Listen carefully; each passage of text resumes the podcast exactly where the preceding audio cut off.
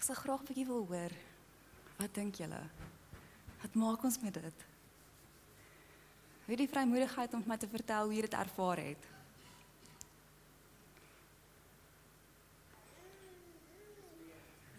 Dis weird. Yes. Wat nog?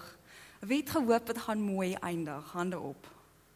Ja, ek hou ook van gelukkige eindes. Wie was van die begin af ongemaklik toe jy die spinnekop sien met die deur oopmaak? Alles in jou skree onmiddellik gevaar, dis 'n spinnekop. Nou die mens is gemaak om eintlik half bang te wees vir 'n spinnekop.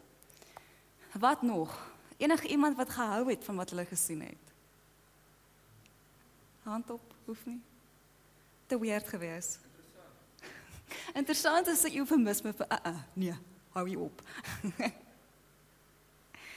Julle sien, ek is 'n uh, rukkie terug het het iemand vir my terwyl op 'n baie slegte plek in my lewe is gevra wat is liefde?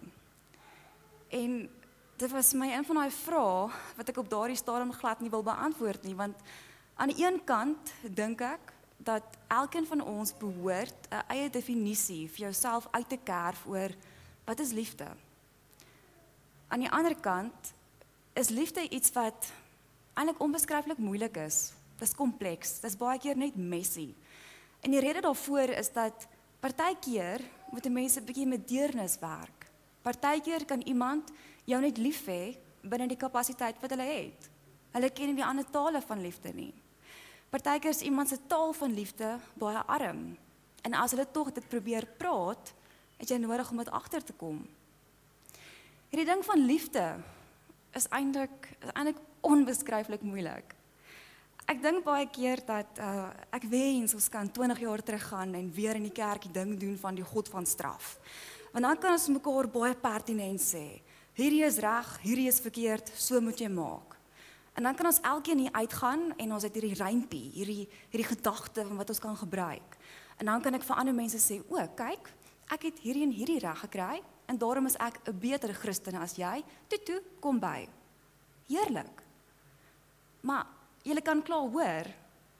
Dit het niks met liefde uit te waai nie. Dit het alles uit te waai met ek wat beheer wil hê. Ek wat absoluut iets wil vat en sê nou het ek dit. Nou verstaan ek die geloof. Nou kan ek met hom maak wat ek wil doen. As ons Romeine 8 lees, dan kom ons agter maar dis nie wat hier aangaan nie. Dis glad nie wat hier aangaan nie. Die gedagte juis is Christus moet in beheer wees van my liggaam. Nou, as ek dit sê, wat dink julle? Wat beteken dit? Enige iemand, wie kan my sê? As ek sê Christus moet in beheer wees van my liggaam, hoe op dese aarde doen ek dit? Enige iemand wat braaf genoeg is om saam te praat. OK, heeltemal reg. Jy hoef ook niks te sê nie. Julle sien,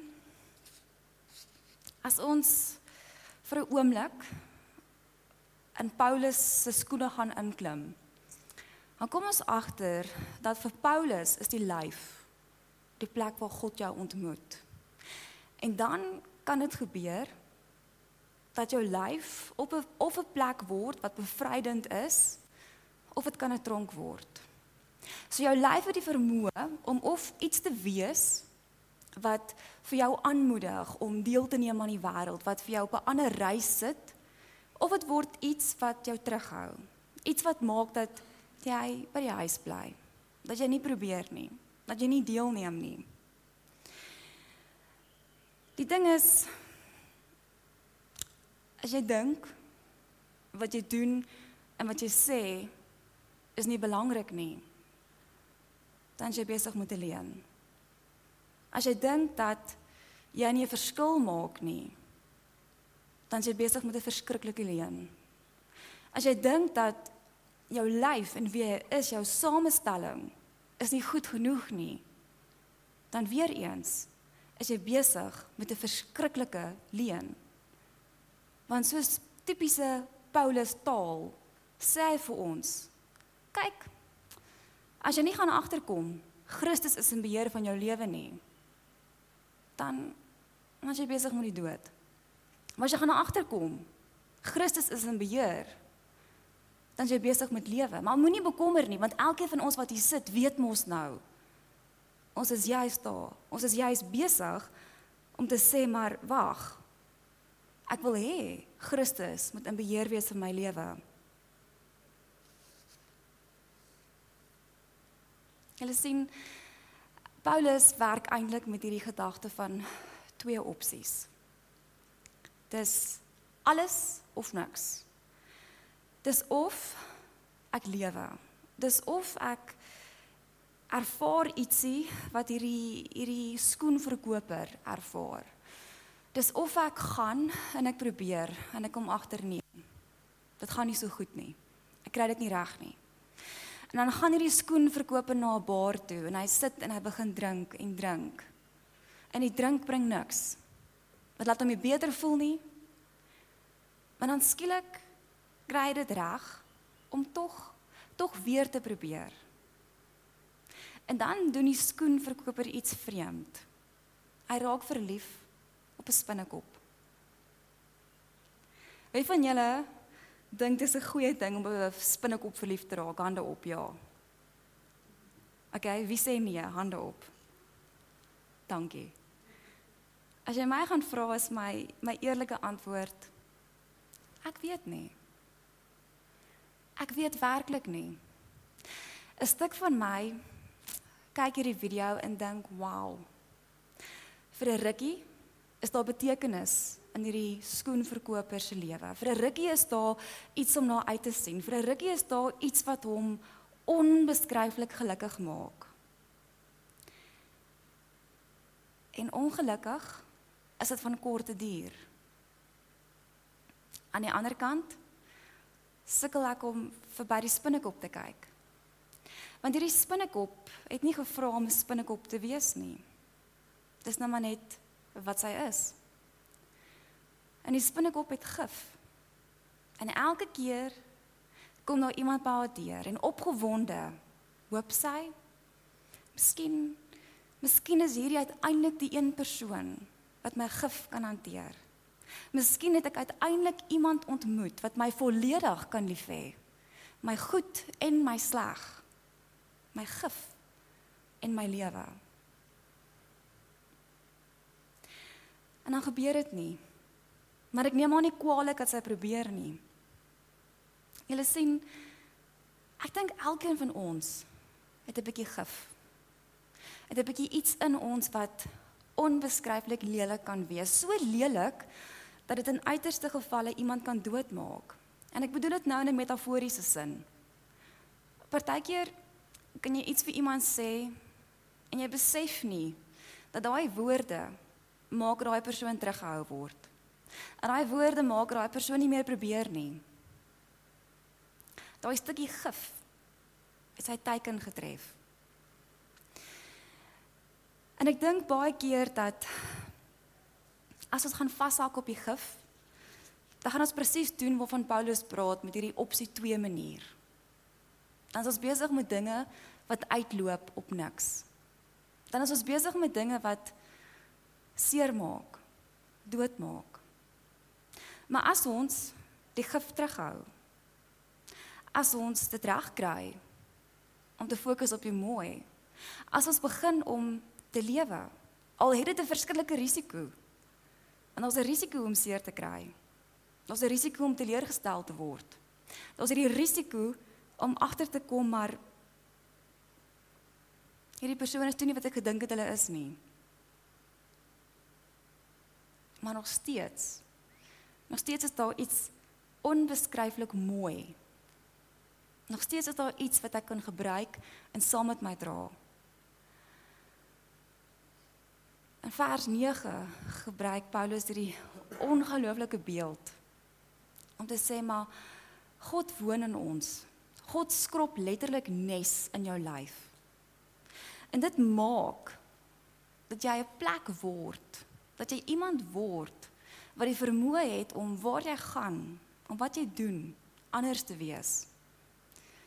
Dit is presies interessant in die antieke tyd het hulle gepraat van Christene as mense van die weg. Dis nie 'n woord wat Christene vir hulle self gesê het nie. Hulle het nooit hulle self 'n label gegee nie. Daar was nooit hierdie gedagte van ons hier is ons kom word deel van ons groepie nie. Dit was altyd almal is welkom. En hierdie Christene van die weg is iets wat ander mense gesê het. Want as jy kyk na iemand wat lief is vir God dan dan kan dit nie anders as om agter te kom maar dis mense wat die vermoë het om op plekke te wees waar ander nie sou wees nie. Dis mense wat die vermoë het om 'n spinnekop lief te hê. Al sê die res vir ons, "Woe, blou verby. Bly wag." Dis mense wat die vermoë het om die goed raak te sien. Dit beteken nie dis maklik nie. Dit beteken nie dat liefde nie seermaak nie.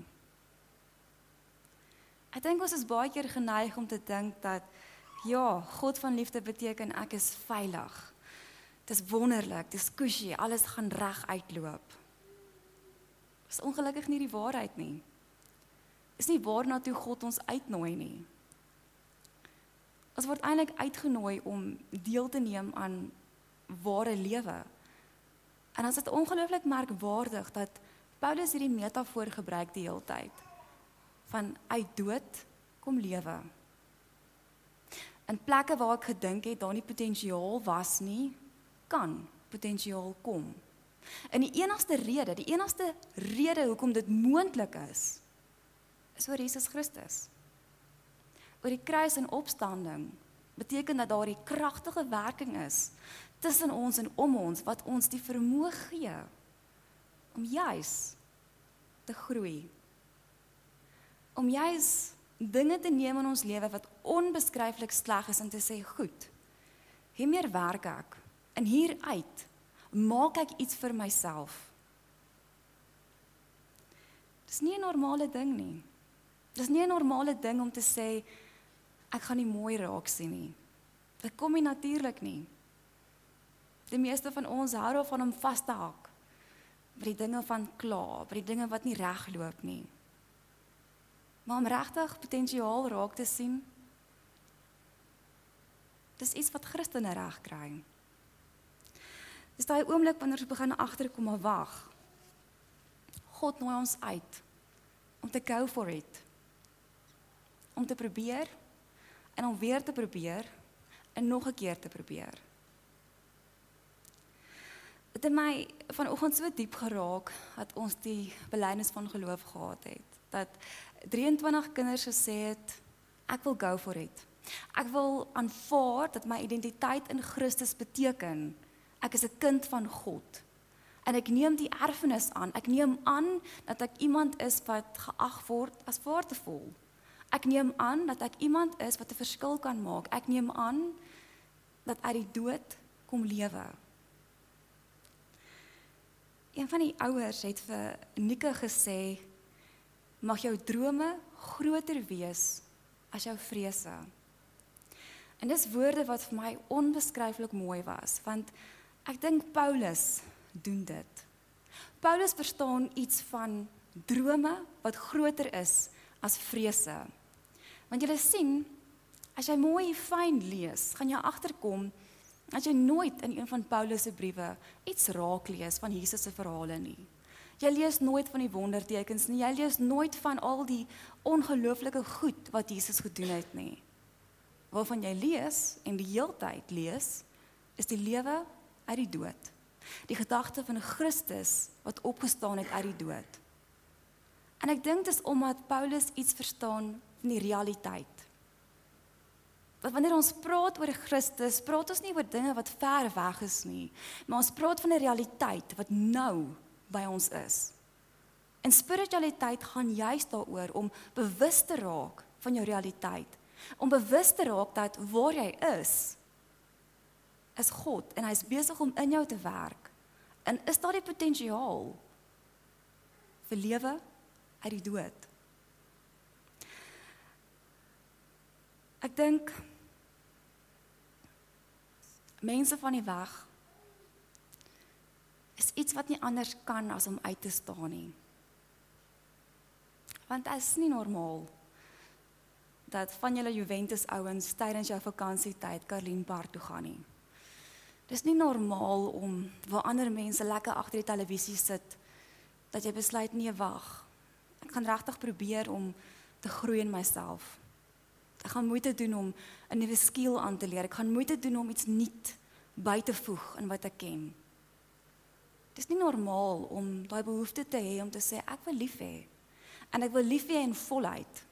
So lief dat ek self jou sleg, jou gif sal verdra. En dit maak my seer. Maak my verskriklik seer. Maar ek vergewe en ek probeer en ek hê jou weer lief. Dis 'n ongelooflike ding. Om as jy verpletter is, weer op te staan en weer lief te wees vir iemand. En ek dink dis jy die uitdaging. Dis juist die uitdaging van geloof. Dis hierdie uitnodiging. Kom word deel van die avontuur. Kom word deel van die bewuswording dat uit die dood kom lewe, kom word deel van die gedagte dat jy is goed genoeg. Dit is jou identiteit in Christus. Jy het klaar alles wat jy nodig het. Die feit dat jy dink jy kan dit bereik nie is nonsens. Want waar kom die gedagte vandaan? Van God, waar anderste? Wie het jou gemaak? Wie die gedagtes in jou geplant in die begin? Is juist die ongelooflike uitnodiging. Kom, word stil. Kom sit by die Vader se voete en begin om 'n bietjie alles wat die wêreld vir jou sê af te rol en uit te kom by wat liefde vir jou regtig beteken. Jou definisie. Die manier wat jy dit wil uitleef. Kom ons word vir 'n oomblik stil. En ek wil jou uitnooi om in die stilte vir jouself af te vra. Hoe verstaan ek liefde? Is ek iemand wat kan sien om iemand se donkerte ook lief te hê? Of om hulle te help as ek agterkom die donkerte het hulp nodig? Is ek iemand wat kan sien om moontlikhede raak te sien? Is ek iemand wat met albei hande wil aangryp uit die dood kom lewe? En daarna gaan ons saam lied 221 loof die Here omdat hy goed is saam sing. En jy gaan agterkom ons gaan dit 'n paar keer herhaal. En die herhaling is eintlik 'n gebed. Dit is eintlik 'n manier om jouself te help om te fokus. Kom ons word saam stil. In hierdie week waar jy weer uitgaan en rondom mense is, onthou altyd die Here sal julle seën en julle oppas. Die Here sal met deernis na julle kyk en julle genadig wees. Die Here sal julle gebede beantwoord en julle vrede gee. So seën die drie enige God ons wat ons tot seën van ander kan wees. Amen.